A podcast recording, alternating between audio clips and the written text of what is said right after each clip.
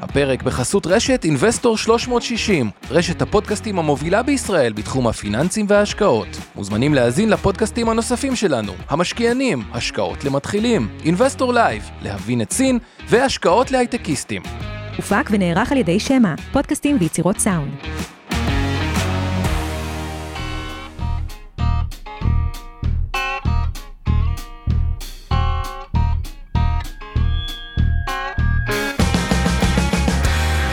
המשקיענים אבנר סטפאק ועומר רבינוביץ' בשיחה חופשית על התחומים החמים ביותר בעולם ההשקעות.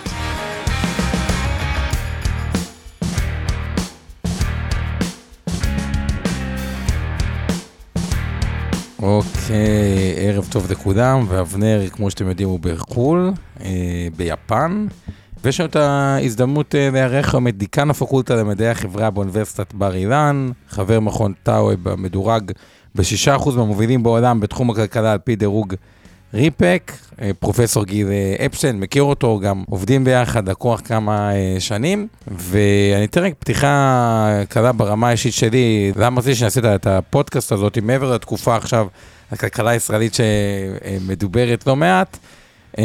כל פעם שאנחנו מתחילים פגישה, אז uh, בכל זאת, גיל פרופסור לכלכלה, שואל אותו ככה, בוא, אה, נדבר קצת על הכלכלה הישראלית, איך אתה רואה את הדברים, תן לי קצת עובדות ודברים, והוא תמיד מצליח להפתיע אותי. וגם נורא מעניין לי ברמה האישית. אז אמרנו, תכף השרביט יעבור אליך, אבל שנעשה את זה כמו ממש השיחות שלי ושלו מתחילים כשאנחנו נפגשים. לפעמים זה מתארך יותר מדי, אז לא מספיקים לדבר על הדברים שלך. זה... אה, אחת, וככה ש...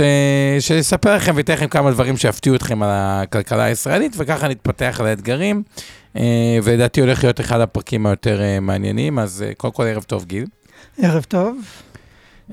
ובוא תרגש אותנו, ת, ת, ת, ת, תפתיע אותנו קצת בדברים ש, שלא הכרנו שהכרנו. ובכלל, יש בפודקאסט הזה כבר המון מאזינים, לאן הולכים מכאן? בואו נגיד את זה ככה. טוב, אז קודם כל, אה, אתה קצת מרים קצת פה, יוצר לי בעיות, אבל פעם באולי אני אחליף עם סטפאק ואני אהיה ביפן והוא יהיה פה, אבל זה גם כן נחמד.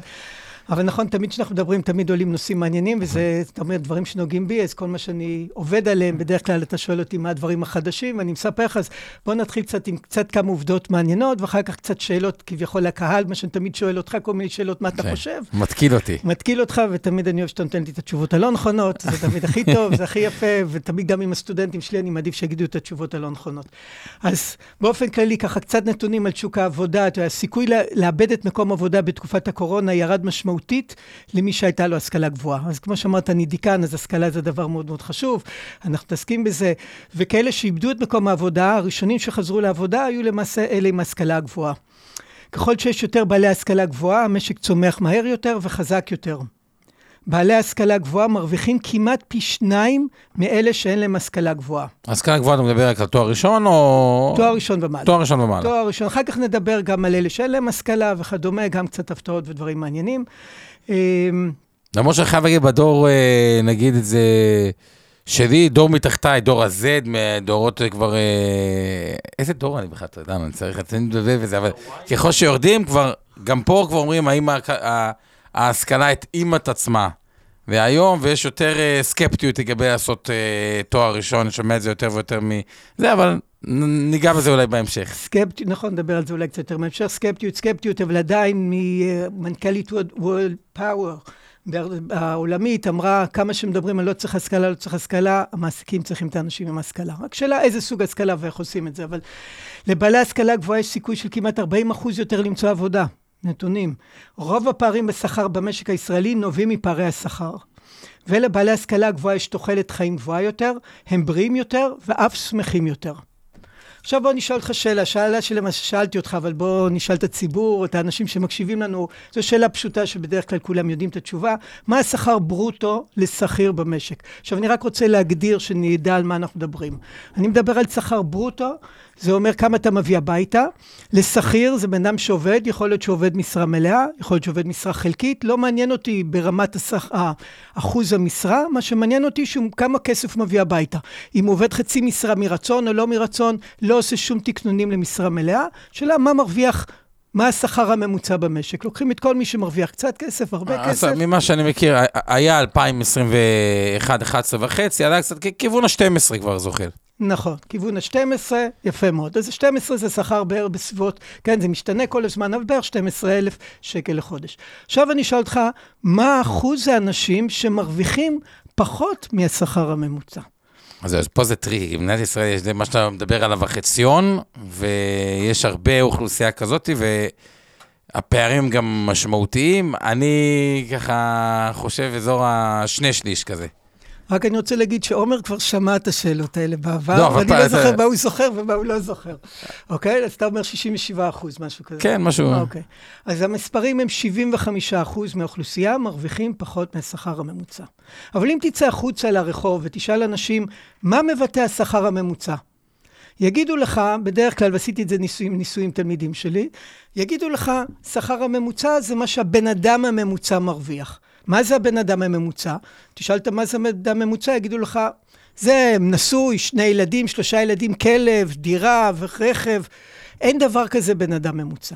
אז כל מי ששומע את זה, ויונית לוי בערוץ 12 נניח באה בחדשות פעם בחודש, אומרת, השכר הממוצע במשק הוא כך וכך, אז כולם, מי שחושב שיש לו פחות מזה, הוא מרגיש דפוק. אז 75% מהאוכלוסייה, פעם בחודש, ששומעים את האינפורמציה הזאת, מרגישים למעשה שהם מרוויחים פחות ממה שבן אדם הממוצע מרוויח. שזה נראה כמוהם, כיוון שהם חושבים על השכיח, הם לא חושבים על הממוצע. נכון, 75 מרוויחים פחות מ-12,000 שקל, אתה אומר. 75% מרוויחים יותר מ-12,000 שקל. פחות. פחות מ-12,000 שקל, רק 25% מעל. ועכשיו אתה אומר, רגע, אבל uh, אמרת חציון, אולי צריך ללכת למשהו חציוני. אולי אתה רוצה להגדיר לכולם מה זה חציון, למה לא בטוח שכולם יודעים מה זה שכר חציוני. לא, החצי זה איפה עומד הנקודה, אה, אה, אם ניקח 50% מהאוכלוסייה ונעצור את זה שמה, את הנקודה הזאתי, מה יהיה השכר? אה, ובגלל שישראל, מה שאני מכיר, מוטט גם לאוכלוסיות חלשות, אז החציון הוא נמוך משמעותית מהממוצע, הוא אזור, לא יודע מה, הניחוש שלי, שמונה. Okay, מה, מה שכר מינימום, דרך אגב? אה, היה אזור השש. נכון, לא, זה, כל אחד יודע, כתוב לו במשכורת שזה 29 שקל, אה, צריך להיות כתוב על התלוש היום, 29 שקל לשעה, שזה 5,300 שקל, אמור לעלות עד 2026 ל-6,000, הוא עולה בפעימות לאט לאט, נכון, היה את הכאלה של פעימות, בגלל זה נכון. זכרתי. אה? תמיד זה פעימות, אחרת מה שקורה, שאתה מעלה את השכר, אז למעסיקים יש להם עלות מאוד גבוהה, הם צריכים להתחיל לפטר עובדים, וכדי שהשוק יתרגל לזה, שאתה מפטר אנשים. ב-2021 היה 5,300, נכון. ואז התחילה הפעימות. ב- לא, עדיין עוד לא התחילו הפעימות, הפעימה הראשונה תהיה באפריל, אה, באפריל, אבל צריך לעשות את זה בפעימות, כיוון שאם אתה לא עושה את זה בפעימות, המעסיקים כן. פתאום יש להם הוצאה גבוהה. האנשים שמקבלים שכר גבוה יותר אמורים ללכת לשוק ולקנות מוצרים ולהגדיל את הביקוש. כשהביקוש גדל, אז יקנו יותר, אז המעסיקים יצאו, יותר עובדים. אבל אם אתה עושה את זה מהר מדי, אתה תזרוק אנשים החוצה, לא יהיה לאנשים מספיק כסף ללכת לקנות, והמעגל הכלכלי לא יעבוד. ולכן עושים את זה פעימות לאט-לאט ולא בבת אחת. טוב, אז שכר החציוני הוא 5,300, רוצים להביא אותו ל-6,000, השכר החציוני במשק הוא בסביבות ה-6,000 שקל. 6,000, 6,000 ומשהו, אבל תחשוב על זה, 50 אחוז מהאוכלוסייה מביאים הביתה פחות מ-6,000 שקל ברוטו. ברוטו. עכשיו תיקח את זה עוד יותר למצב יותר קיצוני. יש קשר בין השכר של הבעל והשכר של האישה. ככל שהבעל מרוויח יותר, רואים שהאישה מרוויחה יותר. וככל שהאישה מרוויחה יותר, בן זוגה מרוויח יותר. זה לא אומר שאם אשתך תקבל העלאה במשכורת, אתה תרוץ ותגיד, רגע, אשתי קיבלה העלאה במשכורת, גם נכון, לי זה- מגיע, כן. אבל יש קשר בין השתיים. אז תחשוב על זה שאם גבר מרוויח 5,200 שקל, בת זוגתו גם מרוויחה משהו כזה. אז הם מכניסים משהו כמו 10,000 שקל. אבל אם מישהו מרוויח משהו כמו 15,000 שקל, הבת זוג מרוויחה גם בסביבות האלה, אז השונות כן, הולכת ממש, או- וגדלה. או- או- כאילו זה ממש אה, סטטיסטיקה מובהקת, כאילו כן. ה... בהחלט. השונות גדלה, במשקי בית השונות הרבה יותר גדולה מאשר בבודדים. אז אם אנחנו אומרים 50 אחוז מרוויחים פחות מה-6,000 ומשהו שקל, אז עכשיו תעשה זוגות, אז ההכפלה היא 12 לעומת, כן, 15, 30, משהו כזה, הפער הולך וגדל, פער גדול. אז בוא נשאל אותך עוד שאלה. אתה פה עוסק על פניו זה לא אינטואיטיבי, כי הרבה פעמים אתה אומר, רגע, אם מישהו עם משכורת גבוהה, אז השני אחד עם משכורת אה, יותר נמוכה, וזה בסדר, אבל זה לא ככה, אתה יודע מה, דרך אגב, איפה רוב האנשים נפגשים? בני זוג? בלימודים. בלימודים. ובצ- בעבר בצבא, אני חושב היום בעיקר בלימודים. לא, קודם כל בלימודים, אחר כך זה בצבא, השכלה, ואחר כך, כן. וזה השכלה. ובן אדם עם איי-קיו גבוה, בדרך כלל לא יתחתן עם מישהי עם איי-קיו נמוך יותר, וכדומה. אז זה גם הביא אותנו אולי למשהו אחר, סדר הלידה, אם נגיע לזה, זה גם כן חשוב, ומי מתחתן עם מי, וזה גם נחמד, דברים נחמדים שם. אבל בוא נשאל אותך... זאת אומרת, זה שההורים באים ואומרים, אני רוצה לשלוח הרבה לאוניברסיטה טובה, או לבינתחומי, או לדברים כאלה, זה... יש בזה היגיון. יש בזה היגיון למצוא בן זוג, ולמצוא עם מי אתה תהיה, ובאיזה תחום. אתה יודע, יש... אני זוכר שאני הבנתי שלמדת באוניברסיטה העברית, גם אני למדתי נכון, באוניברסיטה העברית, ותמיד דיברו על מדעי הדשא. מואב זה היה. מה זה? הוא היה, מואב היה. עומר מואב היה תלמיד שלי, כן. אני חושב שהוא מציג עבודות בכלכלה, באקונומטריקה, הוא למד אצלי אקונומטריקה, אז הוא תמיד אומר, אם, כשאני בחדר, הוא תמיד אומר, אם, אם האקונומטריקה לא בסדר, תפנו לגיל. תפנו לגיל. כן, אז אה, כן, אז אה, נכון, האוניברסיטה העברית, אז יש מדעי הדשא תמיד, מדעי הדשא זה כאלה שמחפשים את הבני זוג, זה תמיד היו הבדיחות, ש... אבל הרבה מוצאים, ולכן בן אדם עם איי-קיו גבוה, סבירות שיתחתן עם מישהו עם איי-קיו נמוך, הוא יחסית נמוך, אז בדרך כלל יש דמיון בין ה-IQ ובין הזוג, ולכן אחד מרוויח יותר גם השני. ברור שאם אחד מרוויח המון כסף, אז בן הזוג, הוא יכול להגיד שאני לא צריך לעבוד, אני יכול להיות בבית, אבל בדרך כלל זה בני זוג שגם רוצים לעשות, ולא רוצים נכון. לשבת כל היום בבית. אז זהו. אז בואו נביא אותך לשאלה הבאה. מי הוא האני, אני אוהב לשאול את זה בצורה כזאת בכוונה, למה זה כאילו, בתוך השאלה יש את ה... כאילו... את העוקץ. את ה... לא יודע עוקץ, אבל מי הוא העני ביותר בעשירון העליון. העני הוא עני בתוך העשירון העליון. אז רק אולי אני אסביר שברור מה אני מתכוון. העשירון העליון זה עשרה אחוז השכירים. אני לא מדבר על העצמאים, מדבר על שכירים. עשרה אחוז שמרוויחים הכי הרבה, ולכן כשאני מדבר על העני ביותר, מאיפה העשירון העליון מתחיל? עכשיו, אני רק רוצה לתת ככה נתונים שעוד ככה להבהיר את הנקודה. אני מדבר רק על שכירים. אבל רגע, עומר, מי מרוויח יותר, עצמאי או שכיר? טוב, אז דווקא את זה אני זוכר את השאלה הזאת, אז אה, אני טעיתי בה. אני חשבתי שעצמאי מרוויח יותר משכיר, אבל כבר אה, נתתי את ה... תגיד לנו אתה. אוקיי, שכיר מרוויח בדרך כלל יותר מעצמאי. עצמאי כשמקים, שהוא מרוויח הרבה כסף, כדאי לו, שינו קצת את, המס, את המיסים בנושאים האלה, אבל בגדול כדאי לו להקים חברה ולהיות שכיר בחברה שלו. ולכן מבחינה זאת, השכירים הם אלה שמרוויחים כל השמות הגדולים שאנחנו מכירים, מנכ"ל טבע, אה, אה, אה, ברחו לי השמות פתאום, אבל תשובה וכדומה, כל השמות שמרוויחים הרבה כסף, שמרוויחים את המיליון, שתי מיליון ומעלה. אני עוד זוכר שעזריאלי היה שיאן השכר, שקיבל מיליון שקל לחודש, והיום זה כבר, זה כבר מספרים קטנים, הוא שכיר ולא עצמאי. ולכן, עכשיו אני אחזור לשאלה, אז אם אני לוקח את כל החבר'ה האלה בחשבון, כל מי שמרוויח בעשרה אחוז הכי הרבה, מאיפה מתחיל העשירון העליון? בגלל שאנחנו בתכנון פיננסי יודעים משפחות, אני זוכר את המשפחתי, שאני אומר, הם באזור הכמעט 40 אלף זה משפחה ברוטו, כאילו זה שני בני הזוג. אז אם זה... כאילו, אני יודע, כמשפחה זה מתקרב ל-40, כפרטי, אז אני משער, משער לעצמי 25 כזה? אוקיי, אז אוקיי, אתה מתקרב, 21 אלף שקל מתחיל לעשירון העליון. כלומר, שימו לב, 21,000 שקל, ויכול להיות שיש פה הרבה אנשים שמאזינים לנו, שנמצאים בעשירון העליון, מי שנמצא בהייטק. אבל ממש לא מרגישים ככה. אולי הם לא מרגישים, כיוון שאתה נכנס לנטו שלך, אתה רואה שלא נשאר לך מזה הרבה, אתה מוריד את הקרן השתלמות וקרן קופת גמל, ואתה גם בטח דואג שישלמו עוד קופת גמל ועוד קרן השתלמות וישלמו את המקסימום. Okay. אוקיי.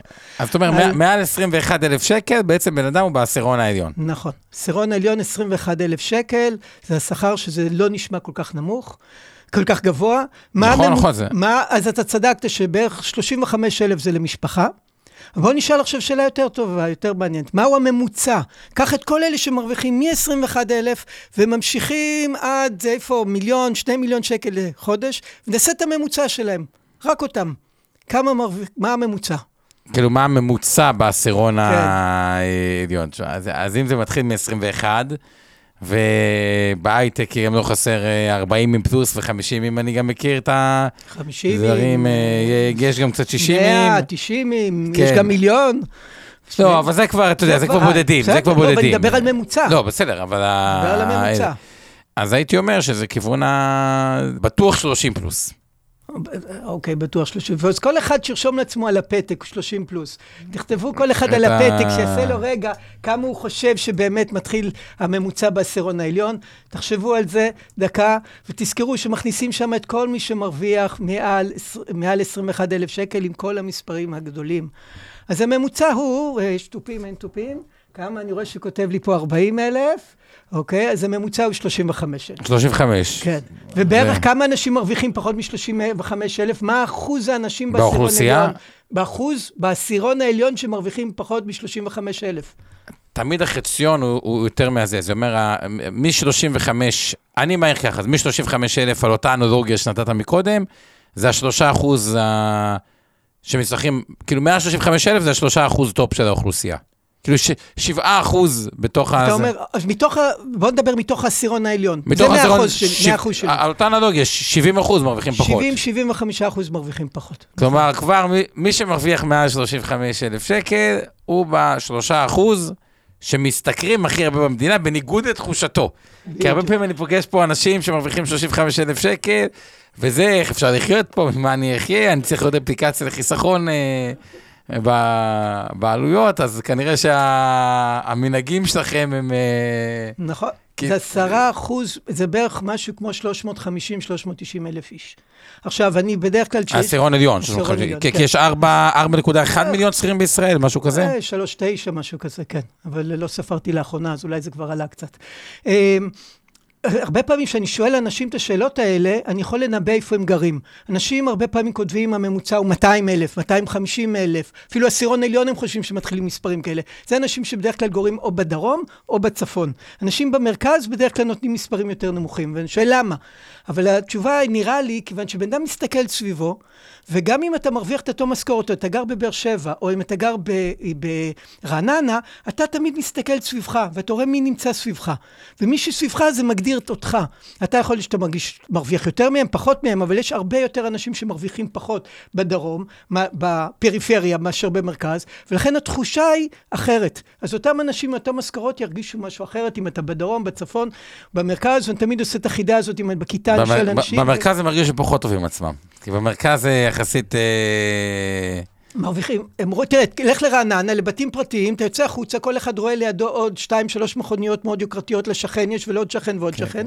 לך לבאר שבע, אז נכון שיש לך את עומר כן, למרות שבישראל זה. גם בטקסי, כי חוץ מהשכירות, ואני מכיר, יש לנו הרבה עובדים ששניהם בהייטק, שזה כביכול אמורים להשתכר, כאילו זה באמת הרמה, נקרא לזה ה top 1 percent, אבל ישראל ספציפית זה גם מאוד מאוד תלוי מה אבא ואימא עשו, ומה יש להם, וסבא וסבתא, כי היא מדינה עם הרבה עושר בין דורי, רואים את זה, אני רואה הרבה, הרבה לקוחות דווקא מהמגזר, אה, נגיד, אה, הרוסי, שלהורים ההורים לא בהכרח צברו הון בתקופת העלייה, וגם זה משחק תפקיד מאוד משמעותי, כאילו ביכולת קניית דירה, ביכולת נכון. השתכרות וכו'. אז נכון, אז מהבחינה הזאת, זה הרבה, יש לך ירושות, יש לך, בוא נגיד ככה, חשוב לדעת למי נולדת, אבל בכל. אתה יודע, אנשים לא נולדים שווים. יש, יש אי שוויון מלידה. יש אנשים שנולדים בפריפריה, יש אנשים שנולדים במרכז, יש אנשים שנולדים למשפחות עשירות, יש אנשים שנולדים למשפחות עניות. ההתחלה שלך מאוד משפיעה. אתה יודע, גם יש אנשים שנולדים גבוהים ויש אנשים נולדים... מה הגובה שלך? אתה גבוה. אני, כן, אני מטר שמונים ושבע. מטר שמונים ושבע. אז מה אתה אומר, הגובה משפיע על ההכנסה שלך? אני מנסה לא להיכנס לפינות... אה, אז. אוקיי. אז מה אתה חושב, שגובה משפיע על הכנסת אנשים? האם ככל שאנשים גבוהים יותר, הם מרוויחים יותר? אני, אם הזכרת את זה, אני מניח שכן. אוקיי, אז מחקרים מראים שככל שבן אדם גבוה יותר, אז הנתונים שאני מציג עכשיו זה על גברים בארצות הברית, על כל סנטימטר מעל הגובה הממוצע, גבר מרוויח כ-5,000 שקל יותר בארצות הברית. 5,000... בשנה. 5,000 דולר ב- בשנה. כן, 5,000 דולר בשנה. כלומר, עכשיו, בן אדם שהוא עשרה סנטימטר מעל הממוצע, עוד 50 אלף. עוד 50 אלף דולר בשנה. כן. עכשיו, יש ניתוחים להערכה, אם מישהו רוצה להגדיל את ההכנסה שלו, אבל זה, וכולם בטח אומרים, טוב, יש שם שחקני NBA וכדומה, אז הוא בלי שחקני כדורסל, בלי כלום, זה עובד. שחקני כדורסל זה מיעוט מאוד קטן. אבל למה? אז רצו לבדוק למה זה קורה. אז הלכו ובדקו, הלכו ואמרו, בואו נבדוק האם יש קשר בין גובה ו-IQ. האם אנשים ככל שהם גבוהים יותר, הראש גדול יותר, ולכן המוח גדול יותר, ולכן ה-IQ גדול יותר. אז הלכו לאוניברסיטאות והלכו לבתי ספר, והדבר הכי פשוט זה לקחת את הציונים של האנשים, לקחת את הגובה ולראות אם יש קשר. ומה מצאו? יש קשר או אין קשר? לדעתי אין קשר. אז אין קשר. אז מצאו שיש קשר. בממוצע, ככל שאתה גבוה יותר, הציונים שלך גבוהים יותר. היה לי סטודנט פעם שאמר לי, בטח, הגבוהים יושבים מקדימה, מסתירים לכל אלה שמאחור, ואז הם לא רואים. או במבחן אתה גבוה יותר, אז יש לך ראייה יותר טובה לכל הכיוונים. אז אמרו, רגע, אז אוקיי, אז יכול להיות שאם כך, באמת זה נכון, ככל שאתה גבוה יותר, הראש גדול יותר, המוח גדול יותר, המוח גדול יותר, ה-IQ גבוה יותר. ואז הלכו ואמרו, בואו נעשה מבחני IQ. אני לא יודע מישהו אם אתה עשית מבחן IQ, אבל מבחן IQ זה דבר יקר, הלכו עשו מבחני IQ לאנשים, וראו ככל שבן אדם גבוה יותר, מה עם ה-IQ שלו? גבוה יותר? אני כבר, אה, אה, על פניו, כן, אה, לא. לא, זה- זהו, זה- זה- לדעתי לא היה אמור יותר גבוה. נכון, לא יותר גבוה. אז אם כך, איך יכול להיות שככל שאתה גבוה של יותר... ביטחון הצ- וזה, יודע. יפה. כשמישהו גבוה נכנס לחדר, זהו מקרין ביטחון. רואים אותו, מתייחסים אליו. ההתייחסות אליו משפיעה על הביטחון העצמי שלו. הביטחון העצמי שלו משפיע על ההתנהגות שלו. ההתנהגות שלו משפיעה על איך הוא יקבל ציונים בלימודים, איך הוא יקבל שכר וכדומה. אז בסופו של דבר, שורה תחתונה, ביטחון עצמי ולא משהו. ביטחון עצמי, וזה הסביבה ומה שהסביבה משדרת, ולא ה-IQ. ה-IQ אצל אין קשר בין גובה ל-IQ. אוקיי. בדיוק. נכון. עכשיו, אם אנחנו חוזרים רגע לעשירון העליון, עשינו מחקר, ב, אני, כמו שאמרת, אני חבר במר, במרכז טאוב, עשינו מחקר מעניין אה, לגבי מי מגיע לעשירון העליון. האם זה אנשים עם השכלה גבוהה או השכלה לא גבוהה? ודי ברור, השכלה גבוהה. השכלה גבוהה מגדילה את ההסתברות שתגיע לעשירון עליון. אבל במונחי שכירים, אני תכף אבדיל את זה לעצמאים, זה חשוב, אני מניח שיש לך גם מאזינים שהם עצמאים, נכון. IRAים וכדומה, אז אה, וכדומה, אז אני, בוא, אז אני אסתכל על זה לעצמאים, על השכירים, ככל שיש לך השכלה גבוהה יותר, יש לך סיכוי גדול יותר להיכנס לעשירון העליון. אבל, בתוך העשירון העליון, ההשכלה לא משפיעה על המיקום שלך. האם אתה תהיה בתחילת העשירון העליון או בסוף העשירון העליון, ההשכלה אין לה השפעה. דרך אגב, אם אני חוזר למה שאמרנו מקודם, כשהייתה את המחאה החברתית 2008 וכולי, אתה זוכר את התקופה הזאת? מי שיצא למחות זה היו אנשים של ה-12 אל, ה-20 אלף וכולי, העשירונים, העשירונים העליונים, מעמד הביניים, מה שאנחנו קוראים, ולא אלה שהרוויחו פחות משכר מינימום או באזור שכר מינימום, למה לא יכלו לוותר על זה. אבל הם הרגישו שהם ה... שהם לא מרוויחים מספיק, כמו שאמרתם קודם. אז השכלה, אני אחזור, השכלה משפיעה על להיכנס לעשירון העליון, אבל לא בתוך העשירון. תכף אני אסביר למה. כן, זהו, זה מעניין למה, אבל... אה, ועצמאים, זה חשוב גם להבין, עצמאים, ההשכלה לא משפיעה על הסיכוי להיכנס לעשירון העליון. אם אתה עצמאי ויש לך השכלה גבוהה, אין לך השכלה גבוהה, זה לא משפיע. אבל מה זה כן משפיע? משפיע לך כן בתוך העשירון העליון. אז זה בדיוק הפוך מהשכירים. למה? אז הש... התשובה היא, אה, זו, אלה התוצאות. עכשיו, הסיבה שנראית היא כזאת. כשאתה הולך לעבוד במקום העבודה, מסתכלים עליך, לא יודעים מי אתה. אתה הלכת לראיון ראשון, יש לך השכלה? כן. אה, זה סיגנל. זה אומר נכון, שיש לך תורת משהו. הסיגנלים. once. אתה, once אתה there, זה כבר הרבה עניין של מוטיבציה, של זה, של פנימיות, של יכולת ללמוד, של הרבה דברים אחרים, שכבר לא קשורים להשכלה. בדיוק. אז ההשכלה זה סיגנל למעסיק, אם יש לך יכולות או לא. אז הוא מעסיק אותך בגלל שיש לך השכלה, למה רוב האנשים, אף אחד לא מתחיל עם ניסיון, מתחילים בדרך כלל נכון, עם השכלה. מתחילים עם השכלה. וכשרוצים לקדם אותך, רואים, רגע, לך יש השכלה, לא יש, אין השכלה, לך יש כלים, לא אין כלים, אתה, יש סיכוי שאתה תצליח יותר טוב, מקדם אותך. אז הקידום שלך, הרבה פעמים גם מותנה בהשכלה. אז זה להגביא אותך למעלה לעשירון עליון. עצמאי, אין לו מי שמקדם אותו. הוא צריך להצליח נכון, בכוחות אה, עצמו. נכון. ולכן זה לא משפיע עליו להגיע לעשירון עליון. אבל עצמאי, כשהוא כבר בתוך העשירון העליון, אם הוא באמת עם השכלה, והוא יודע ויש לו כלים, הוא יצליח, ולכן הוא יגיע במקומות העליונים של העשירון העליון. אבל שכיר, אתה כבר צריך להוכיח את עצמך. כשאתה בעשירון העליון, תוכיח, תוכיח את עצמך. האם אתה מעל 21,000 שקל, מעל 35, מעל 40, מעל 50, זה כבר הוכחה בידיך, ולא מה שבאת עם כל מיני סיגנלים. לכן מהבחינה הזאת, מאוד חשוב אם אתה מגיע כי זה עם פותח השכלה דלת, עובדית. אבל once אתה בתוך הדלת, זה כל אחד כבר עם הפנימיות והמוטיבציה שלו, וזה כבר לא קשור להשכלה. נכון.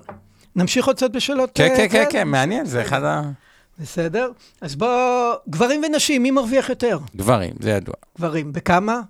האמת היא שדיברנו על זה בחוץ, בוא נראה אם אתה זוכר. הנה, רגע, בוא נשאל. כן, מה אתה אומר? 35 אחוז. גברים מרוויחים ב-35% יותר מנשים. בוא, בוא, תן תן לו את המוסבר. טוב, אז אה, בגדול, נשים מרוויחות בממוצע שני שליש משכר הגברים. אז יש לנו את השליש הבדל שאתם מדברים עליו, נכון. ואבל, וזה אבל מאוד מאוד חשוב, מחקרים ממש, גם במרכז טאוב, גם, גם בארצות הברית וכולי, מראים שאם אתה לוקח בחשבון את הניסיון בעבודה של הבן אדם, את ההשכלה שלו, את המקצוע, הפער יורד ל-6-7 אחוזים. שזה לא הרבה. זה לא הרבה. לא הרבה, זה- עדיין יש אפליה ולא צריכה להיות אפליה. לא צריך נכון, להיות אבל- פער. אבל 6-7 אחוז זה כבר משהו שהוא... נכון. ירדנו, לא, ירדנו, כן. ירדנו משני שליש, משליש לשישה שבעה אחוזים, פערים קטנים. אבל למה, קודם כל, אם אני עושה את השכר הממוצע של הגברים, אני רואה שנשים מרוויחות שני שליש מהגברים. למה? כיוון שנשים הולכות בדרך כלל למקצועות יותר נשיים. גברים הולכים יותר למקצועות גבריים. לדוגמה, נשים הולכות לסיעוד, להיות מורות, להיות אה, עובדות סוציאליות וכדומה. שם כמות הגברים הוא מאוד נמוך. גברים הולכים להייטק, לדברים שהשכר הרבה יותר גבוה. עכשיו, למה בכל זאת יש פער בין 6-7 אחוזים? אז שבא אליך מישהי לעבוד אצלך, אתה צריך להעסיק אותה, אתה צריך לתת לה שכר, ואתה אומר, רגע, יש לך ילדים? אסור לשאול את השאלה הזאת, אבל בדרך כלל אנחנו יודעים, יש ילדים. אם יש ילדים והילד חולה, מי יישאר בבית? כלכלית, בדרך כלל המשכורת היותר... אה, המשכורת היותר נמוכה. אז אם המשכורת יותר נמוכה, נשים נשארות, בב... אז האישה, זאת שמרוויחה פחות, תישאר בבית, אז מראש אני יודע שתהיה חסרה לי בעבודה. ולכן אם תהיה חסרה לי בעבודה, אז מראש אני צריך לתמחר את זה ולתת לה משכורת נמוכה יותר. כיוון שהיא תיעדר יותר, כיוון שהיא בן הזוג, אז אם היא נעדרת יותר, אז אני אתן לה משכורת נמוכה יותר. אם אני אתן לה משכורת נמוכה יותר, אז אני, היא תיעדר יותר מה, מהעבודה, ולכן אני צריך לתת לה משכורת, זה מעגל, מה הביצה. והתרנגולת? לא אבל ברור. בסוף זה 6-7 אחוזים, זה משהו שהוא הוא- הוא לא מעט, אבל הוא... נכון. מה שעדיין קובע זה ההשכלה והנתונים והדברים האלה. כאילו, נכון. זה זה, בוא נגיד כך, אפשר לחיות עם זה הרבה יותר טוב מאשר שני שליש שהיה גם באותם מקצועות, אבל זה הולך, ולמקצועות ההייטק דוחפים הרבה הרבה יותר נשים גם שילכו. נשים לומדות והולכות הרבה יותר להשכלה גבוהה מאשר גברים, אבל עדיין הגברים הולכים למקצועות שהם הרבה יותר עתירי הכנסה. עוד uh, שאלה שאני שואל אותך, נישואין, אתה נשוי, התחתנת, טוב, אני לא אשאל אותך, אני מדבר על שכירים, לא עליך, אתה לא יודע, אני אתה גם שכיר, שכיר בעל אתה שיטה, שכיר, כן, כן, שכיר. כן, אה, זה נכון. מי מרוויח יותר, נשוי או רווק? נשוי או רווק? באמת שאלה שאני... אוקיי, מעניין, האמת, אין לי משהו שהוא... האינטואיציה שלי, שנשוי. נשוי. אוקיי, למה?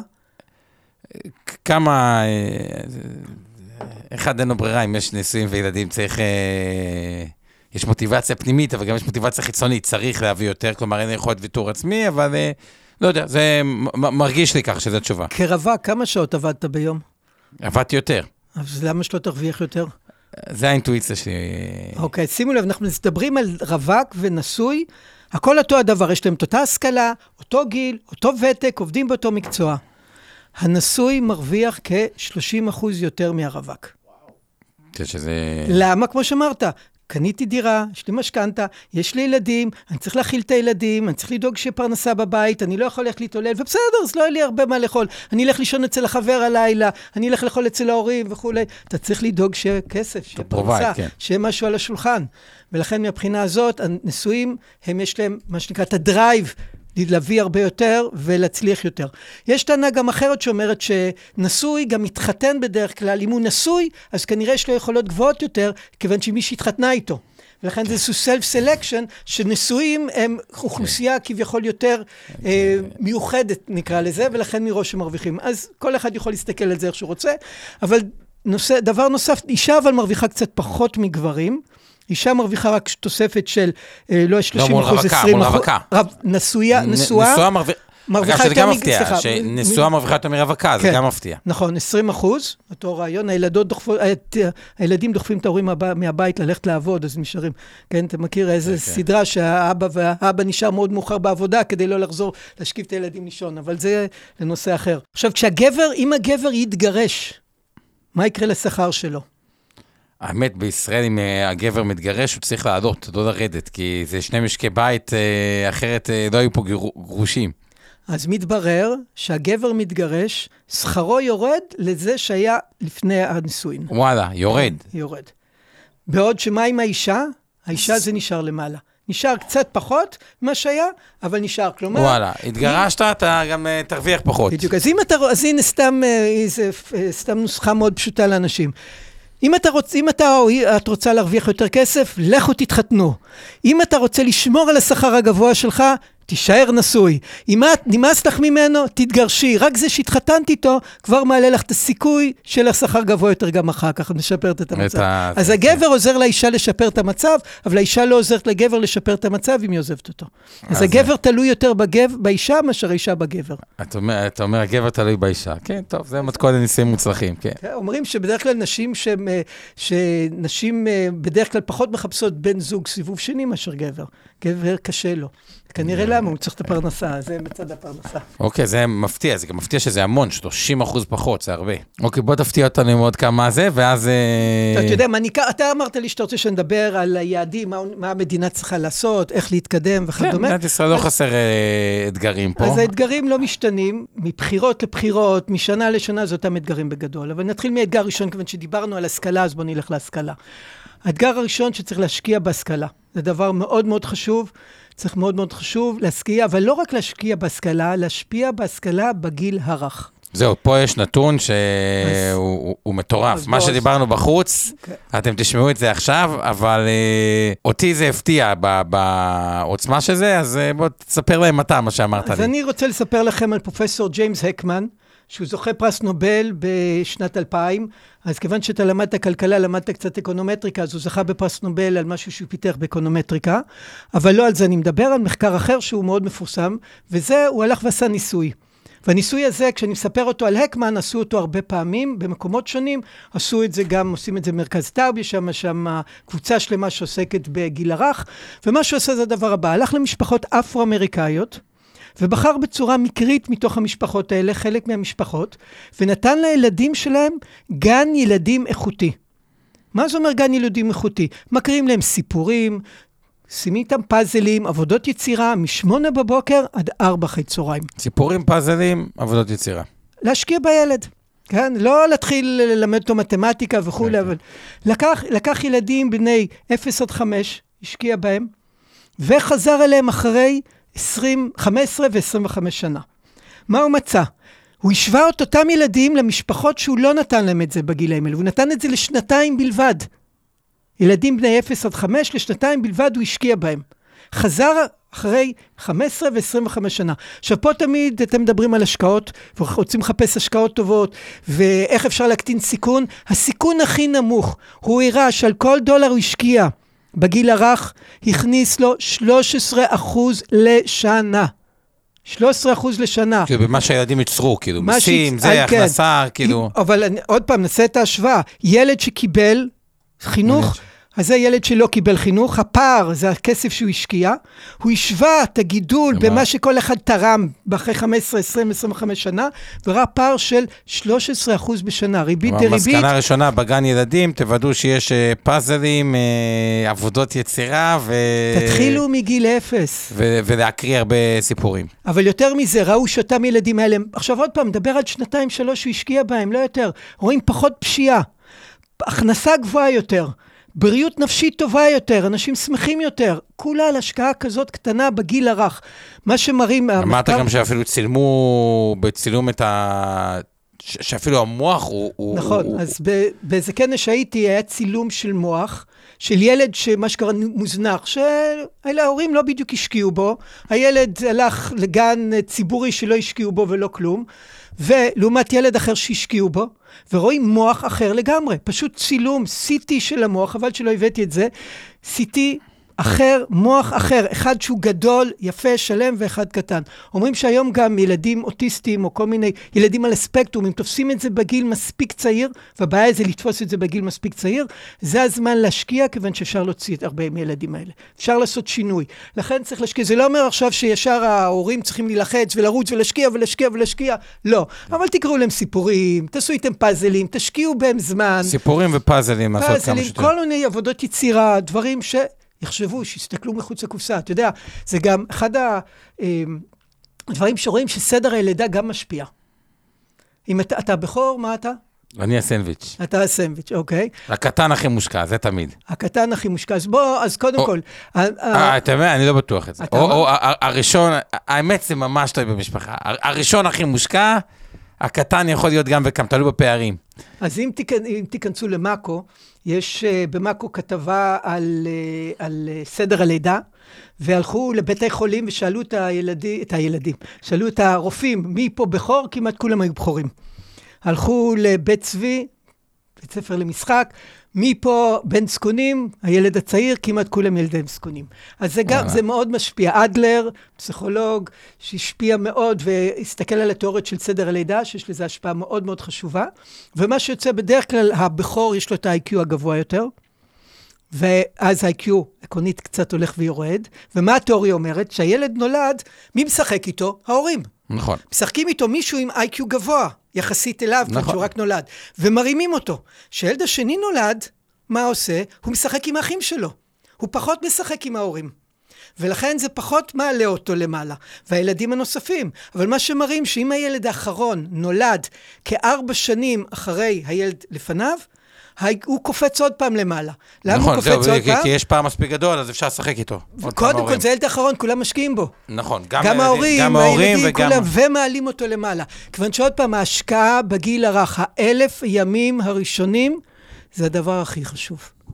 הדבר הכי חשוב, זה עכשיו, יש כאלה אבל שאומרים... הבת של שנה ושבע זה בדיוק 500, נשאר לי 500 ימים. זה הילד, מה אתה אה, עושה פה? אתה רואה, אתה לא כן. בבית, קורא סיפורים לילדים שלך, אתה נמצא פה, מדבר איתי, אתה מבזבז את הזמן, אצלי הילדים כבר, אה, הכי קטן. כבר בצבא. קראתי אז לה אני היום כבר... על, אה, אה, הכלב תחש, הבייגלי, קראתי לה כבר היום בבוקר. אז, אה, אז מבחינה הזאת, סדר הלידה, אה, ועוד דבר מאוד מעניין, אה, אתה, אתה סנדוויץ', נכון? נכון. עם מי אתה נשוי? אני נשוי עם בכורה. עם בכורה. אוקיי, הרבה פעמים רואים שבכורים מתחתנים עם בני זקונים, עם הקטנים. זה למעלה ולמטה. הבכור אוהב, שונא סיכונים, הבני זקונים, הילדים הקטנים אוהבים סיכון. וואלה. יש מחקר מאוד מעניין בארצות הברית איך שעשו. מה מסביר את זה באמת? מה זה? אז כשאתה, אוקיי, אז יש לך בת, אתה שומר עליה כל הזמן, דואג ששום דבר לא יקרה, ילד ראשון, כל דבר שנופל אתה מנקה, לא נותן לה ללכת לאף מקום, הכל שומר עליה בצמר גפן. לא אוהב- לא אוהב סיכונים. אתה לא אוהב סיכון, אבל ברגע שייוולד מספר 2 ו-3 ו-4, בכלל לא יהיה לך זמן, יאללה, הם ישחקו, הכל אתה כבר... זה לא חדש, נראה, כן. כל מה שעשית אז, עשית ניסוי על הילד הראשון, הילד הבא וכולי, זה כבר לא נורא. אז מבחינה הזאת, אתה אומר, יאללה, אתה יכול לוותר, ולכן, אז עשו ניסוי בארצות הברית, וראו שהבכורים במלחמת העולם השנייה, הבכורים הורידו אה, הרבה יותר אה, מטוסים מאשר הבני זקונים וכולי, אבל הם אהבו הרבה פחות, טייסים, סליחה, טייסים בחיל האוויר, אבל אהבו- הרבה פחות סיכונים.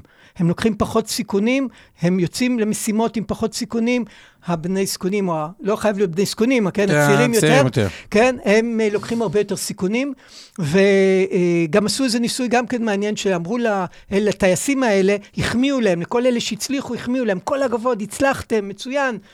ולאלה שלא הצליחו, אמרו להם, נזפו בהם, זה לא בסדר, אתם צריכים להצליח יותר וכולי. הסתכלו, אלה שנזפו בהם הצליחו יותר, ואלה שהחמיאו להם לא הצליחו כל כך יותר. והגיעו למסקנה, וזו מסקנה ממחקרים שהרבה פעמים מגיעים ממסקנות כאלה, להחמיא זה דבר לא טוב, ולנזוף זה דבר טוב. למה? לאלה שהחמיאו, הצלי, אה, לא הצליחו, אלה שנזפו בהם, הצליחו. אבל אז כשמסתכלים קצת לעומק, רואים, רגע, בואו אולי נפרש את זה אחרת. אלה שכבר הצליחו, ואתה מחמיא להם, להצליח עוד זה קשה. אם אתה מכניס היום את העשרה מיליון שקל שלך בשנה, נניח בזה, להביא את זה ל-20 מיליון זה מאוד קשה. ואם אתה בא ואתה מרוויח את ה-100 אלף שקל בשנה בשוק, ואתה בא אחר כך לעומר, ועומר בא ועוזר לך ועושה שינויים ומקפיץ לך את התיק ל-200, אז זה יותר קל מאשר לקחת אותו להכפיל. אז כשאתה כבר למעלה, קשה לך לעלות עוד. כשאתה למטה מאוד קשה, זה לא זה שהחמיאו זה- להם או כן, לא, רק בנקודה שאתה נמצא. כן. אוקיי, האמת מעניין לגבי הילדים, אז מזכחת חינוך, תומר, ולא סתם חינוך, כל תוכניות, אם יש פה חברי כנסת שמאזינים ודברים אה, אה, כאלה, חינוך בגיל הרך היא ממש אה, משימה לאומית, אתה אומר, האלף הימים משימה הראשונים. לאומית, נכון. אז יש, אה, כמו שאמרתי, במרכז טאוב, שם הם, אה, ממש יש שם קבוצה של הגיל הרך, ומנסים להשפיע מאוד חזק על אה, אה, חקיקה. מדובר עכשיו על גיל הרך לתת גם כן מ-0 עד 3 חינם, מאוד חשוב. הבעיה היא שיש מחסור באנשים טובים שיכולים להיות שם. אז אתה, אוקיי, בוא ניתן לכולם בגיל הרך צריך גם אה, גננות, השכלה. גננים, צריך כן. גננות וצריך באיכות. והבעיה היא שיש מחסור. אחת הבעיות במחסור, למה שמישהי תלך ותעבוד בדבר, מקצוע כזה, שמקבלת את ה-29 שקל לשעה, כשיכולה לעבוד כמנקה ותרוויח את ה-50 שקל בשעה. אה, לכן מהבחינה הזאת אין תמריץ, יש מחסור בעובדים, אז אה, יש מחסור בתחום החינוך, אנשים טובים שיבואו ויחנכו ויעשו, ולכן נכון שאם אנחנו רוצים לתת גיל הרך בגיל צעיר, אנחנו חייבים אבל לדאוג שיהיה מי שייתן אותם ויהיו אנשים טובים שיכולים לספק את הסחורה, ולא כל אחד יכול לספק את הסחורה. אוקיי, זה ממש... אה, נקודה טובה, בואו נמשיך לעוד אתגרים, אחרי זה נחזור ל... אוקיי, עוד קצת אתגרים. אתגרים, אנחנו יודעים שההייטק במדינת ישראל זה הקטר. נכון. זה דבר חשוב. יש לנו uh, בהייטק, uh, יש לנו משהו כמו עשרה אחוז מהעובדים הם נמצאים בהייטק. נכון, שזה לא מעט בכלל. שזה, נכון, לא מעט. ש... עשירון עליון, אתם זוכרים? רק שתדעו, רוב האנשים בעשירון עליון בהייטק, כולם חושבים שהם מרוויחים המון, אבל מרוויחים בסביבות ה-21, 22 עד 30 ומשהו אלף. רק נזכור מה שאמרנו קודם. ההייטק הם עשרה אחוז מהאוכלוסייה, מהעובדים, אבל הם בערך 15 אחוז מכניסים את התפוקה. עכשיו, יש מחסור בעובדי הייטק. יש מחסור, אבל דבר חשוב נוסף, שהעובדי הייטק הם לא רק אנשים מתכנתים. 70 אחוז מעובדי ההייטק, שעובדים בתחום ההייטק, הם עובדים בתחום מדעי החברה. הם לא עובדים רק בהייטק. בשביל זה, אני, מותר לעשות קצת פרסומת לעצמי. כן, כן. בתור דיקן הפקולטה למדעי החברה, זו הפקולטה הכי גדולה באוניברסיטה, יש לנו 11 מחלקות, והייתה לי קריאה מחברות הייטק שיש להן מחסור של עובדים. פתחנו תוכנית שמתחילה בשנה הקרובה, שזה רב תחומי מדעי החברה, שמתמחה בהייטק, נותן לך קצת מחשוב, קצת תכנות, קצת finance, קצת, כל, קצת מכל דבר מחבר שאנשים יוכלו לעבוד בתחום ההייטק. לעבוד לצד מתכנתים, אתה לא תהיה מומחה ל... לכתוב תוכנה, אבל אתה כן תדע... כן, אגב, היה לנו עם אחד מ... רונן ניר. כן, כן בהחלט. כאילו טוב, והוא אמר, הדבר שהכי חסר, כאילו, אחד הגפים הגדולים זה אנגלית. אנגלית בישראל לא מספיק טובה, יש מלא אנשים שלא, אין להם מספיק אנגלית טובה בשביל להיות בהייטק, זה גם בעיה. נכון, זה גם בעיה, ויש גם, תראה, זה מביא אותי לנושא אחר. יש מחסור, קשה להעביר אנשים מהתחומים הרגילים, מהמקצועות הרגילים, לתחום ההייטק. אז יש מה שנקרא מיסמאץ', אנשים קשה להעביר אותם, ההייטק למעשה פחות או יותר סגור. כמות האנשים שיכולים לעבוד בהייטק, שיש להם את היכולות, מיצו את הכל. מאיפה אתה יכול להביא? אז או שנביא עוד ילדים, זה ייקח קצת זמן, ואנחנו בים, אנחנו מדינה מאוד פוריה, אנחנו מובילים בעולם, כן, אה, פוריות, אה, כן, פוריות בלי עין הרע. אה, אבל איפה שיש לנו, יש לנו את הערבים ויש לנו את החרדים. שאם נצליח להכניס אותם בצורה טובה, זה גם כן יעזור. ויש הרבה פרויקטים לדבר הזה, וזה דבר שעובדים עליו, אבל מאוד קשה. הח, החרדים והערבים באים עם רקע הרבה פעמים בעייתי. דיברת על שפה, אז יש ערבים לדוגמה שמתקבלים לאוניברסיטה, כיוון שעושים את הבגרויות בערבית וכולי, אבל לא יודעים את העברית. יש להם מבחן יעל, שבאים לאוניברסיטה ועושים להם מבחן יעל, הרבה מהם לא עוברים אותו. וחשוב מאוד לחזק את העברית שלהם אם רוצים ללמוד, או ללמד אותם בשפה שלהם, בערבית, אבל חייבים לתת להם את הכלים. החרדים אותו הדבר, החרדים, הנשים, הן מצליחות לא רע, אבל הגברים, הם באים בלי לימודי ליבה.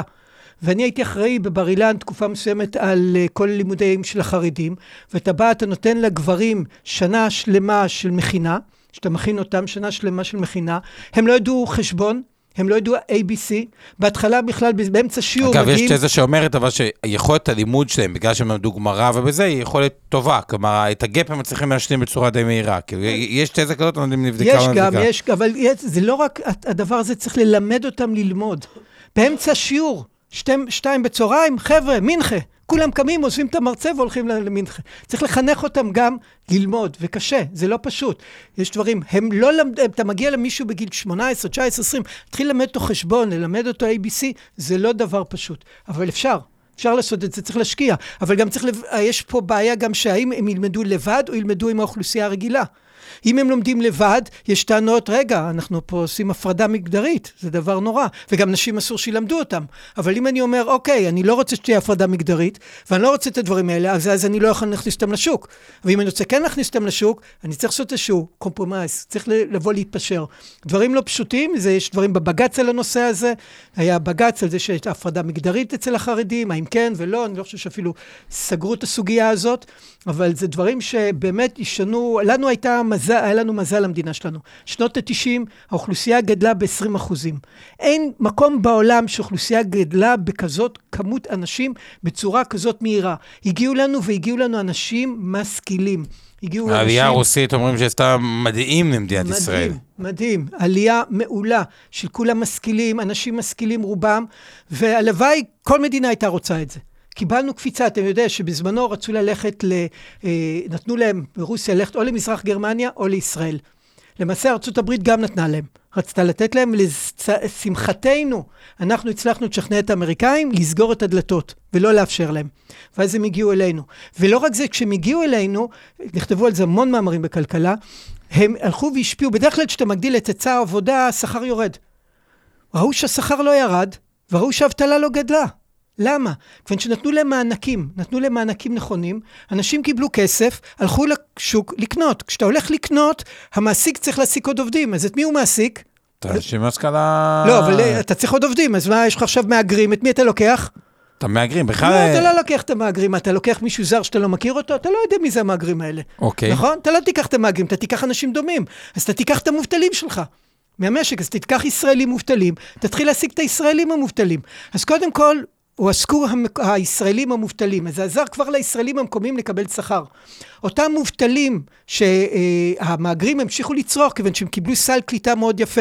הסל קליטה הזה אפשר להם ללכת לסופר, לקנות. רופאים שהיו צריכים לעבור התמחות והיו צריכים לעבור בחינות, הם לא ישבו בבית ואמרו אני לא לומד, קיבלו את הסל קליטה והלכו ועבדו כשומרים ועבדו כמנקים וכדומה, שהגדיל להם עוד יותר את ההכנסה, שהגדיל להם עוד יותר את התצרוכת, שהכניסו אותם עוד פעם לשוק. כשהביקושים עלו, וכשהביקושים עלו מספיק, התחילו גם להכניס את העלייה מברית המועצות לתוך השוק העבודה. ובמעגל הכלכלי הזה, מה שקיבלנו, שהאבטלה כמעט לא ירדה והשכר כמעט לא ירד. דבר מופלא, שזה בניגוד לכל חשיבה מהירה בכלכלה, שאתה מביא כל כך הרבה אנשים. הייתה עלייה או לישראל או לברית המועצות. לברית ל- המועצות, אה, אה, אה, סליחה, אה, למזרח מזרח. גרמניה, שם גם נתנו סלי קליטה לא נכונים, שם האבטלה גדלה והשכר צנח.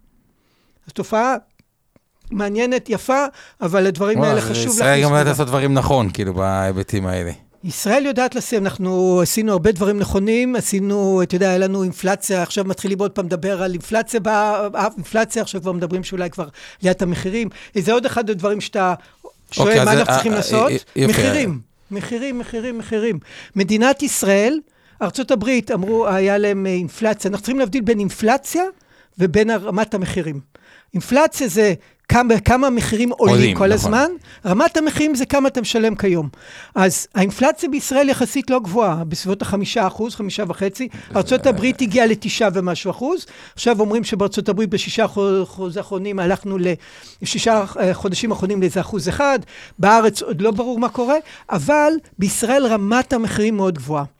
ב-2008, אחרי המשבר ואחרי, כולם זוכרים את המחאה החברתית וכדומה, כל העולם נכנס למשבר, ירדו מחירים. בישראל המחירים לא ירדו. המחירים נשארו גבוהים. מחירים בישראל הם מאוד מאוד גבוהים. כאילו סל הצריכה הבסיסי, או אני לא יודע, מחשבים את זה, הוא גבוה יחסית לעולם. על נכון. אותו סל אתה משלם פה יותר. נכון. אז לא משנה, גם אם אין לי עליית מחירים, אין לי אינפלציה, מלכתחילה המחירים גבוהים. ועל זה צריך לעשות שינויים. חייבים לעשות שינויים על דבר הזה. זה אחד מהדברים שצריך לעמוד על הפרק. ומה צריך לעשות? צריך לפתוח את המדינה ליבוא, להוריד את הביורוקרטיה, אה, תחרות, תחרות, תחרות, להוריד רגולציה. הדברים האלה, האינפלציה משפיעה הכי הרבה על השכבות הנמוכות. הכי הרבה, ומגדיל את האי שוויון. ולכן, אם אני ממשלה חדשה, אני רוצה חינוך ראשון ולהשפיע על המחירים. מחירים, ואנחנו, אה, מה שבנק ישראל עושה כיום, שהוא מעלה את הריבית, והפד בארצות הברית מעלים את הריבית, הם לא מדברים על רמת המחירים, הם מדברים על האינפלציה. אז הם יכולים להגיע לאינפלציה של אפס, אבל בארץ ישלמו 100 שקל למוצר, ובארצות הברית ישלמו 10 שקלים למוצר. קיצור, אינפלציה רמת אפס. המחירים פה היא- היא היא גבוהה, סל הצריכה הבסיסי. מ- ממה זה נובע רמת הביורוקרטיה, חסמים וכל הדברים האלה? אה, גם הפריון בארץ אומרים שהוא לא הכי גבוה, אז... אה, נכון. או שנתייחס לזה בהמשך. עכשיו אפשר ל- ל- נעבור לפריון גם. פריון, בפריון במדינת ישראל הוא יחסית נמוך. אנחנו עובדים אה, הרבה יותר שעות מאנשים בעולם. כמות העבודה אצלנו זה בערך, באירופה עובדים רבע שעות מישראל, אבל הפריון שלהם הרבה יותר כאילו גבוה לשעה. 25% פחות. כן, עובדים, אבל אנחנו... אה, כמה שעות בממוצע עובדים בישראל? בישראל עובדים, הנה תפסת אותי מספר, רגע, אתה יודע, אני כתבתי לי מספרים שאני לא אשכח. ובישראל עובדים את המאה, בשבוע קרוב ל-50, שזה 45, אתה רואה, המספר לא בא לי בדיוק, אבל לא נורא, עם כל הדפים שלי, יש יותר מדי דפים וזה מה שקורה. אז uh, אני אלך לפי הזיכרון. Uh, אנחנו עובדים המון, עובדים המון, מרוויחים משהו כמו 48 דולר לשעה, בגדול.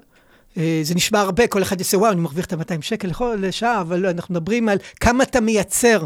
אנחנו מייצרים הרבה. אנחנו ב- בישראל, אנחנו מייצרים, התפוקה, הנפש, התל"ג לנפש הוא בין הגבוהים בעולם.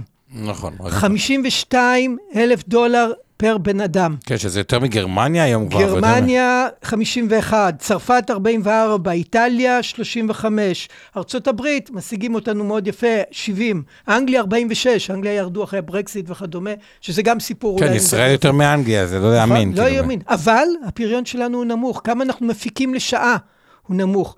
והשאלה היא לא ברורה למה, האם זה בגלל, אומרים זה בגלל החרדים והערבים שלא משתתפים בכוח העבודה.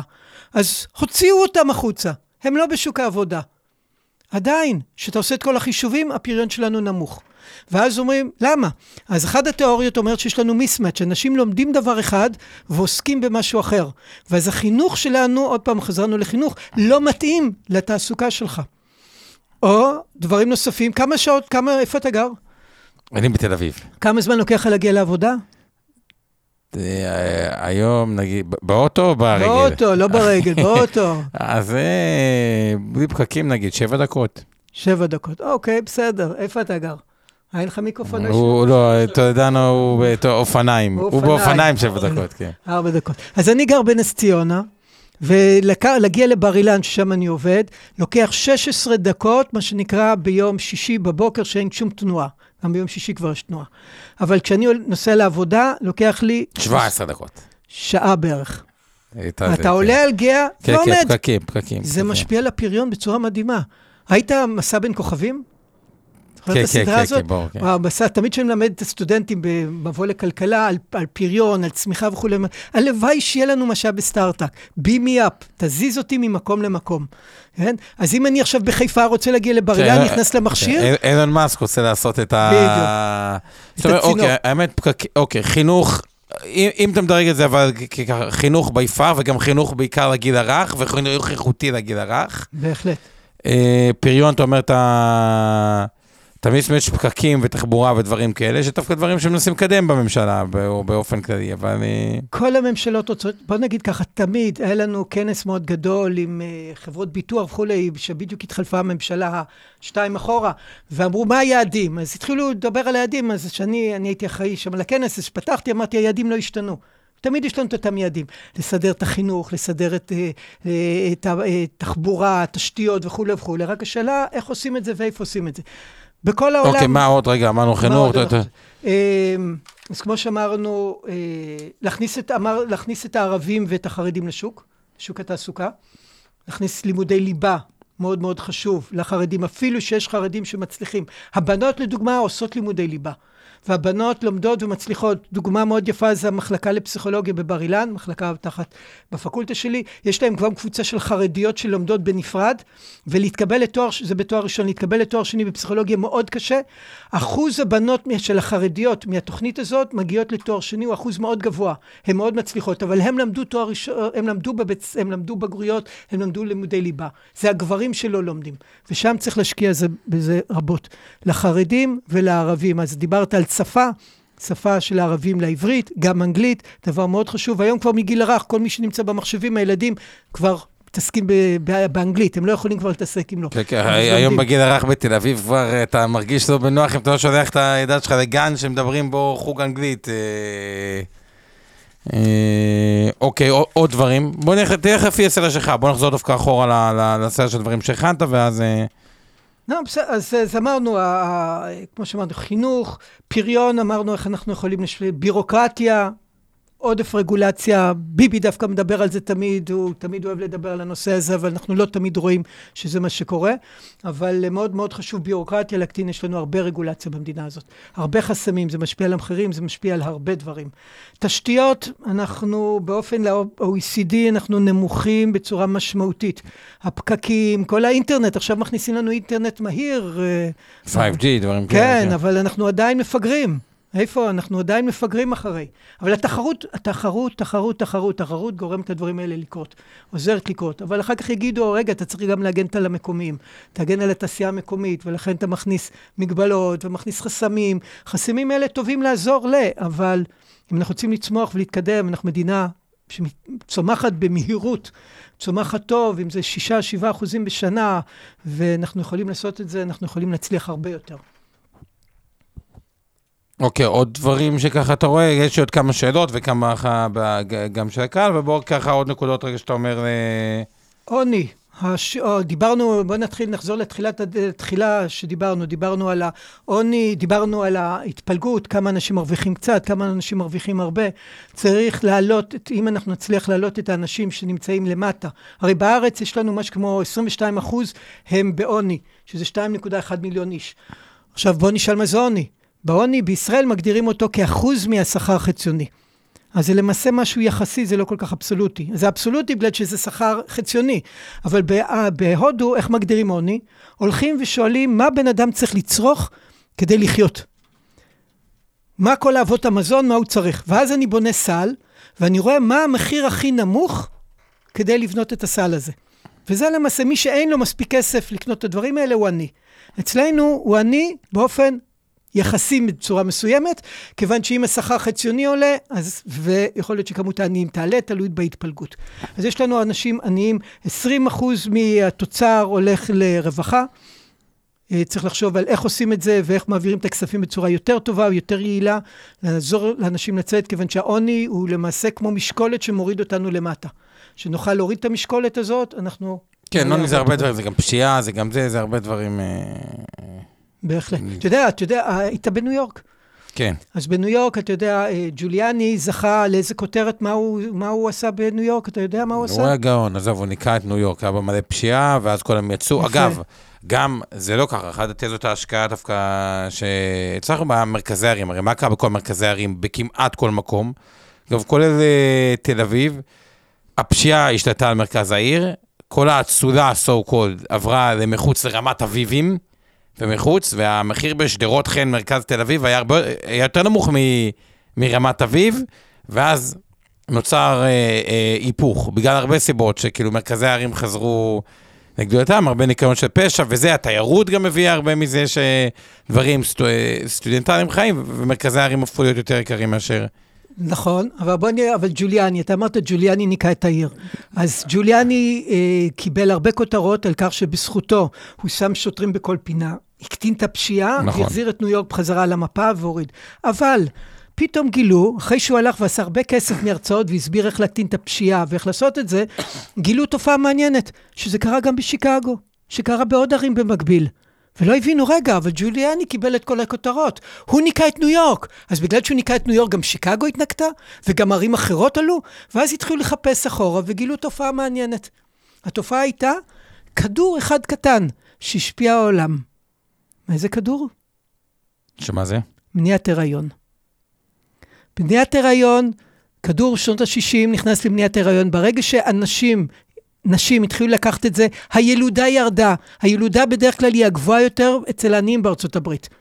וברגע שהתחילו להקטין את הילודה אצל העניים בארצות הברית, מדבר ארצות הברית, לא מדבר על ישראל, כיוון שעניים זה לא אותם עניים וזה משהו לחלוטין, הילודה ירדה, הפשיעה ירדה, וזה מה שניקה את כל הערים, גם בארצות הברית, גם בניו יורק, וזה לא ג'וליאני שעשה את זה. זאת אומרת, הרבה ילדים בבית עני זה מתכונת לא טובה. כי. כי אז בדיוק הוא מחזיר את זה לחוסר יכולת לעשות את החינוך נכון. בגיל הרך, כאילו הכל משפיע על הכל. אז גילו פחות ש... פחות חינוך בגיל הרך, אז... בדיוק, אז גילו שהגלולה עשתה את התרגיל ולא בטוח עד כמה זה ג'וליאני עשה את זה. כיוון שזה קרה בעוד מקומות במקביל. אז ברור שמה שג'וליאני עשה גם עזר, אבל השאלה אם מה שג'וליאני עשה זה באמת מה שהוא עשה, או שזה הגלולה ורואים את התופעה בכל ארצות הברית, בהרבה ערים גדולות בארצות הברית, שהפשיעה ירדה, הערים התנקו. אז אם הילודה בעולם, בישראל ילודה קצת שלוש, שלוש ומשהו אחוז הם, אבל אם באופן כללי, ילודה בעולם המערבי אה, היא במגמת אה, ירידה, סך הכל אנחנו אמורים לעבור לעולם עם אה, פחות פשיעה, יותר יציב. אוקיי, אז עכשיו, אוקיי, אז יש לכל דבר שני צדדים. קודם כל, אצלנו בארץ הילודה היא גבוהה, אבל היא לא בפ- ילודה, גבוהה שמביאה אותך לפשיעה. יש לך ילודה גבוהה אצל הערבים שהולכת פוחתת. ופוחתת, אצל החרדים... היום זה די דומה, היהודים וה... כן, יש עדיין, עדיין קצת פער, אבל הולך ודומה. אצל החרדים, שהיא יחסית גבוהה, אבל עדיין, גם שם גם שם היא יורדת. גם שם, אבל עדיין, אתה יודע, זה אקספוננציאלי. אז אה, כן. מישהי שיש לו 13 ילדים וכולי, אז זה מביא לך עוד 13 על 13, אז במקום 13 היא תביא 10 או 9 או משהו כזה, עדיין המספרים. גדולים. ויותר חוזרים, בתש... אומרים שהנתונים מראים מבתי ספר שיותר חוזרים בשאלה מאשר בתשובה. מבחינת uh, מספרים, אז יש מעבר כזה, אבל uh, זה לא אותו סוג של עוני, זה נכון. אבל uh, החשיבות היא להביא, להקטין את כמות העוני. אז פה דיברתי על העוני, איך שהוא משפיע על הפשיעה. משפיע ב- בארצות הברית שהיה וכדומה, ולא תמיד המשטרה זה מה שצריך לעשות. עכשיו, מצד שני, כשאתה מסתכל על כל העולם, הבעיה שילודה קטנה, אז יש לך הרבה מבוגרים וקצת ילדים. נכון, שזה אגב בעיה לא פשוטה, רואים את זה ביפן, שזה... אני שמעתי כבר אה, כתבה בתוכניות ביפן, שאתה מקבל נקודות, אם תעזור למבוגר, תקבל נקודות כדי שאתה תהיה מבוגר, יעזרו לך, כאילו ממש העברה בין-דורית זה נקרא, כן. נכון? נכון. נוצר שם בעיה אמיתית סביב הנושא הזה, גם בסין הולך להיות את זה גם שזה בעיה מבנית. באירופה, הבעיה בסין, הם לא, אבל אמרו... באירופה זה פחות בעייתי, כי אירופה, יש לה, אחת הסיבות נגיד שלגרמניה גרוע הרבה מטורקיה, היא מדינה שהיא בסך הכל כן מזמינה אה, מהגרים. ויפן יותר קשה להגר, או לסין, זה כאילו מדינות שהן פחות... אה, אבל זה מביא אותך לברקזיט, מה קרה באנגליה? אנגליה, היה להם בעיה שיהיה להם מהגרים, הם לא רצו שיהיה להם כל כך הרבה מהגרים שם. והם התחילו להגיד, הרי אם אתה, יש לך, יש לך דרכון אירופאי, אתה יכול להגר לאיפה שאתה רוצה באירופה. נכון. בספרד היה להם מקרה שהיה להם המון עובדים, היה להם המון מהגרים לא חוקיים. רצו להתפטר מהם. איך התפטרו מהם? בן לילה הם התפטרו, הייתה שם אבטלה מאוד גבוהה בספרד, אבטלה מאוד גבוהה, הרבה מהגרים לא חוקיים, איך התפטרו מהם? נתנו לכולם בלילה, נתנו להם אזרחות. קיבלו דרכון אירופאי. מה קרה ברגע שהם קיבלו דרכון אירופאי? רצו לאנגליה. ברחו לאנגליה, לגרמניה וכולי, התפטרו מכולם. היום כבר אי אפשר לעשות את זה. אז האיחוד האירופאי לא מאפשר לתת חנינות ככה בצורה. האמת, זה קטע מצחיק, קחו. אזרחות, הופ, ברחו ל... נכון, אבל אנגליה רצו, אבל יש שנאת, או פחד מזרים נקרא לזה, כן, בכל אירופה. באנגליה, וזה גרם אה, בבעיה קשה, כי מחסור בכוח עבודה לתחומים ב- בבריאות, בסיעוד, בדברים, ממש אה, בעיה. אבל, אבל תחזור אחורה רגע, תחזור טיפה אחורה. האנגלים לא רצו את המהגרים, הם רצו להגיד, אנחנו רוצים להגביל את כמות המהגרים אלינו. לכן אנחנו יוצאים נגד האיחוד האירופאי, והצביעו בעד הדבר הזה. בסוף הם הצביעו לצאת מאיחוד האירופאי, כשמצביעים נגד מהגרים, הצביעו נגד האיחוד האירופאי ויצאו מהאיחוד האירופאי. המהגרים עזרו לאנגלים, הם העלו את השכר שלהם, העלו את התעסוקה שלהם. נכון, זה הטעות. הרבה זה הם טעות, כיוון. שלא הצביעו על לעזוב את האיחוד, הצביעו נגד המהגרים. אז ברוב העולם יש לנו פירמידה הפוכה. קצת צעירים, הרבה מבוגרים. נכון, שזה ואז- הודו, ישראל, נכון. ו- וייטנאם, הרבה... לא, שם זה הרבה צעירים, הרבה קצת מבוגרים. כן, כן, לא, פירמידה, לא, לא פירמידה הפוכה, פירמידה רגילה. אבל, אבל בוא, אני רק רוצה להסביר דקה רגע על הנושא של הפירמידה. הרבה פעמים מדברים על הפנסיה, שהצעירים חוסכים וזה מממן את המבוגרים. אז אם אין לי הרבה צעירים, אז אין הרבה כסף לממן את המבוגרים. אבל זה לא עניין כסף, זה עניין של, של תצרוכת, של ייצור. הצעירים מייצרים, והמבוגרים שהם בפנסיה יושבים בבית ואוכלים. הם לא מייצרים. אתה צריך כוח עבודה שייצר מספיק אוכל לכולם. אז אם יש לך קצת צעירים, אז נכון שהם עושים הפרשות לפנסיה, פחות כסף, לא הרבה כסף, והמבוגרים צריכים, אבל לא, אין מי שייצר לך את המוצרים לאנשים המבוגרים. וזו הבעיה העיקרית, תמיד וזה מדברים גם על יוצר הפנסיה. אינפלציה, דברים, כאילו יש לך ביקוש, אה, כן, כן, זה בעיה. פירמידה הפוכה היא בעיה. מאוד. אז פה בישראל דווקא יש לנו פחות הבעיה הזאת, שזה... כן, אנחנו, יש לנו הרבה תופעות מאוד מעניינות בישראל, אם זה תוכנית העיצוב הכלכלית שהייתה בשנות ה-80, הצלחנו לצאת ממנה בצורה מדהימה, אם זה העלייה מברית המועצות, יש לנו דברים מדהימים ואנחנו באמת מצליחים. כל פעם יש לנו קטר אחר. פעם זה היה תפוזים, פעם זה היה אה, יהלומים, היום זה הייטק, כל פעם משהו אחר. אנחנו חיים בתקופה מדהימה. אני יכול להגיד שהתחיל תקופת הקורונה, אני זוכר שאמרתי, הייתי בלחץ נוראי, אבל כל הזמן אמרתי, אנחנו בתקופה כיפית. אנחנו נראה כל כך הרבה שינויים. תקופה מדהימה, אנחנו חיים בתקופה שנראה המון שינויים. עכשיו פתאום נכנס כל ה-AI. כל הדברים האלה, אנחנו רואים דברים, לגד עינינו, אנחנו רואים כל כך הרבה שינויים, שהיו אנשים שמאז שהמציאו את הטרנזיסטור ועד הטלוויזיה, לקח 25 שנה, דברים בקושי זזו, דברים זזים, אנחנו רואים את כל, ה, את כל המדע הבדיוני בא לחיים. כן, אני חושב שזה, שילמדו היסטוריה בעוד 100 שנה, יגידו, זה הדור שחווה הכי הרבה... יכול להיות. שינויים ב, ב, בתקופתו, ממצב שלא היה... ממש. סבא שלי כל פעם אמר לי, הוא הוא דופתע מאיך יוצא כסף מכספומט, ואיך זה יכול, הוא עד היום לא מאמין שמישהו נחת על הירח שזה אמיתי, כאילו, אה, זה באמת... אבל זה מה אה, שחשוב, אדם שנחת על הירח, זה היה וואו. אבל תכלס, בינינו, זה שהוא נחת על הירח לא עשה כלום. זה הטכנולוגיות מסביב, ברור, לא, ש, שבזכות שינו לנו את החיים. שזה, תראה, אנחנו לקראת סיום ככה, ואני רוצה לשאול אותך שאלה ש... אה, ויש שם כוחות מכל צידי המגוון הפוליטי, אבל כן אני מרגיש שאנחנו בתקופה, נקרא לה, יותר אה, מאתגרת. אתה אופטימי או פסימי, ולמה? כאילו, שאתה מסתכל עכשיו קדימה, וכולם מכירים את הבעיות, חלק מנית הפריון, יש גם... נושאים של דמוגרפיה, אבל כשמסתכל 10 שנים, 20 שנה, 30 שנה, אנחנו גם, בואו נשכח, אנחנו צורכים ב-1.9% בשנה, אנחנו גם מדינה ש... עם כל הפקקים שאמרת, ועוד בעיות גם הולכת בשלושים שנה הבאות אה, פי אחד וחצי בגודל, עוד חמישה מיליון אה, אנשים הולכים להיות פה. כשאתה מסתכל על כל המכלול, כל האתגרים, ואתה מכיר אותם טוב, אתה חוקר את זה, אתה יותר אופטימי, יותר פסימי, ולמה? אז אני בתור בן אדם, אני בן אדם אופטימי.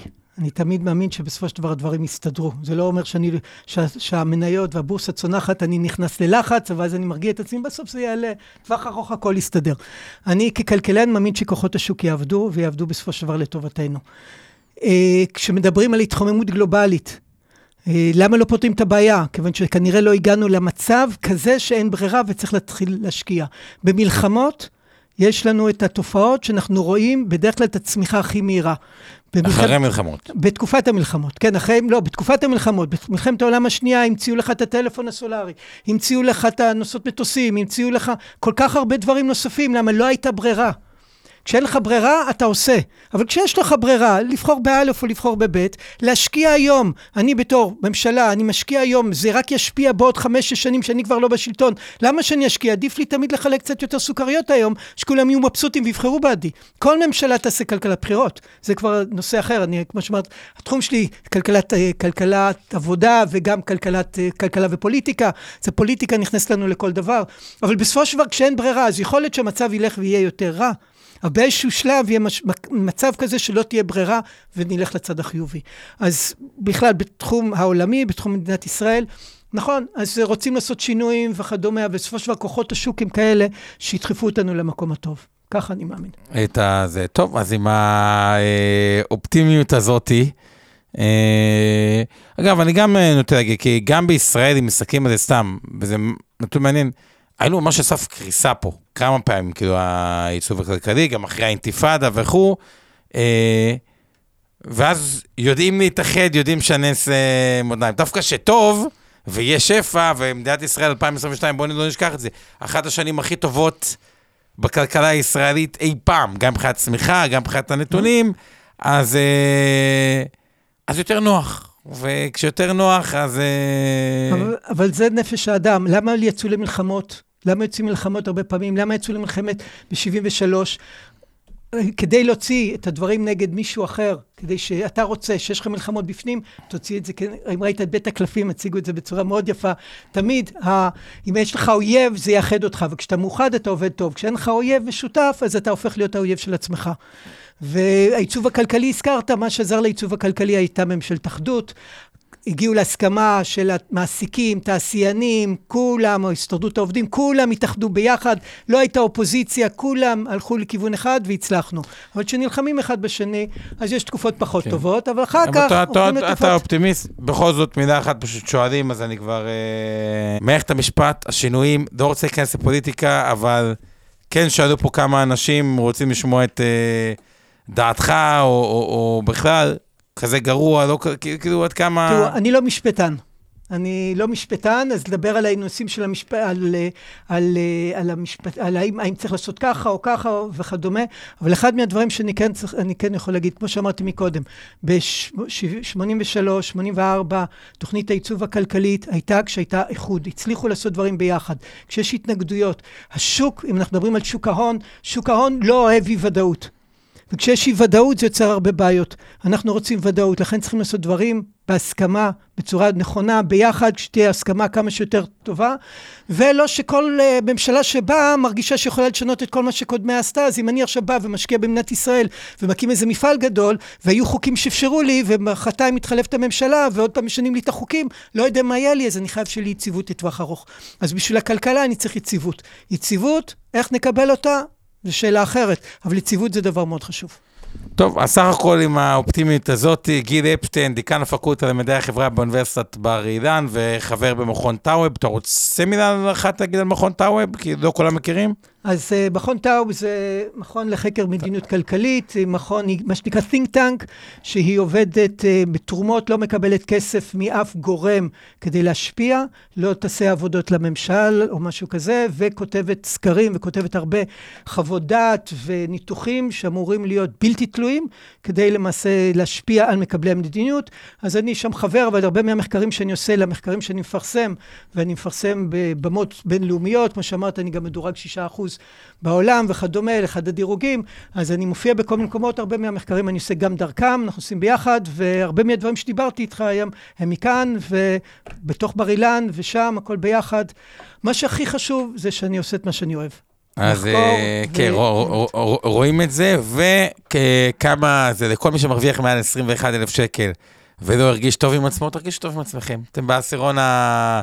אה, העליון, בניגוד יש פער בין התחושה של הבן אדם לאיפה הוא עומד. אם אתם אחד מה-35 אלף, אתם בשלושה אחוז המשתכרים במשק, אז בכלל תרגישו יותר אה, אה, טוב. להשקיע בילדים, אני מבין את זה בעיקר באלף ימים הראשונים. לפני שאתם באים לעומר כדי ללמוד איך לעשות, מה לעשות כן. עם הכסף, קודם כל... תשואה 13 אחוז, כן. 13 אחוז הוא לא, קשה מאוד להשיג. אצל הילדים תשיגו את זה. תראו להם סיפורים.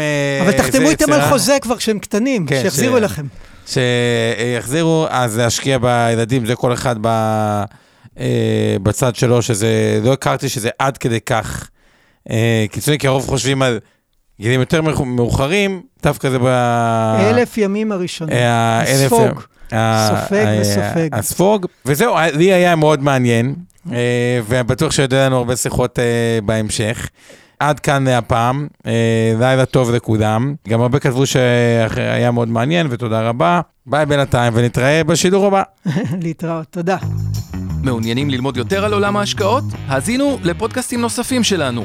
המשקיענים, אבנר סטפאק ועומר רבינוביץ' בתוכנית אקטואלית עם כל מה שחם בעולם ההשקעות. Investor 360 Live, אורן ברסקי ועומר רבינוביץ' מארחים את בכירי שוק ההון ומבינים את הטרנדים החשובים לשנים הקרובות.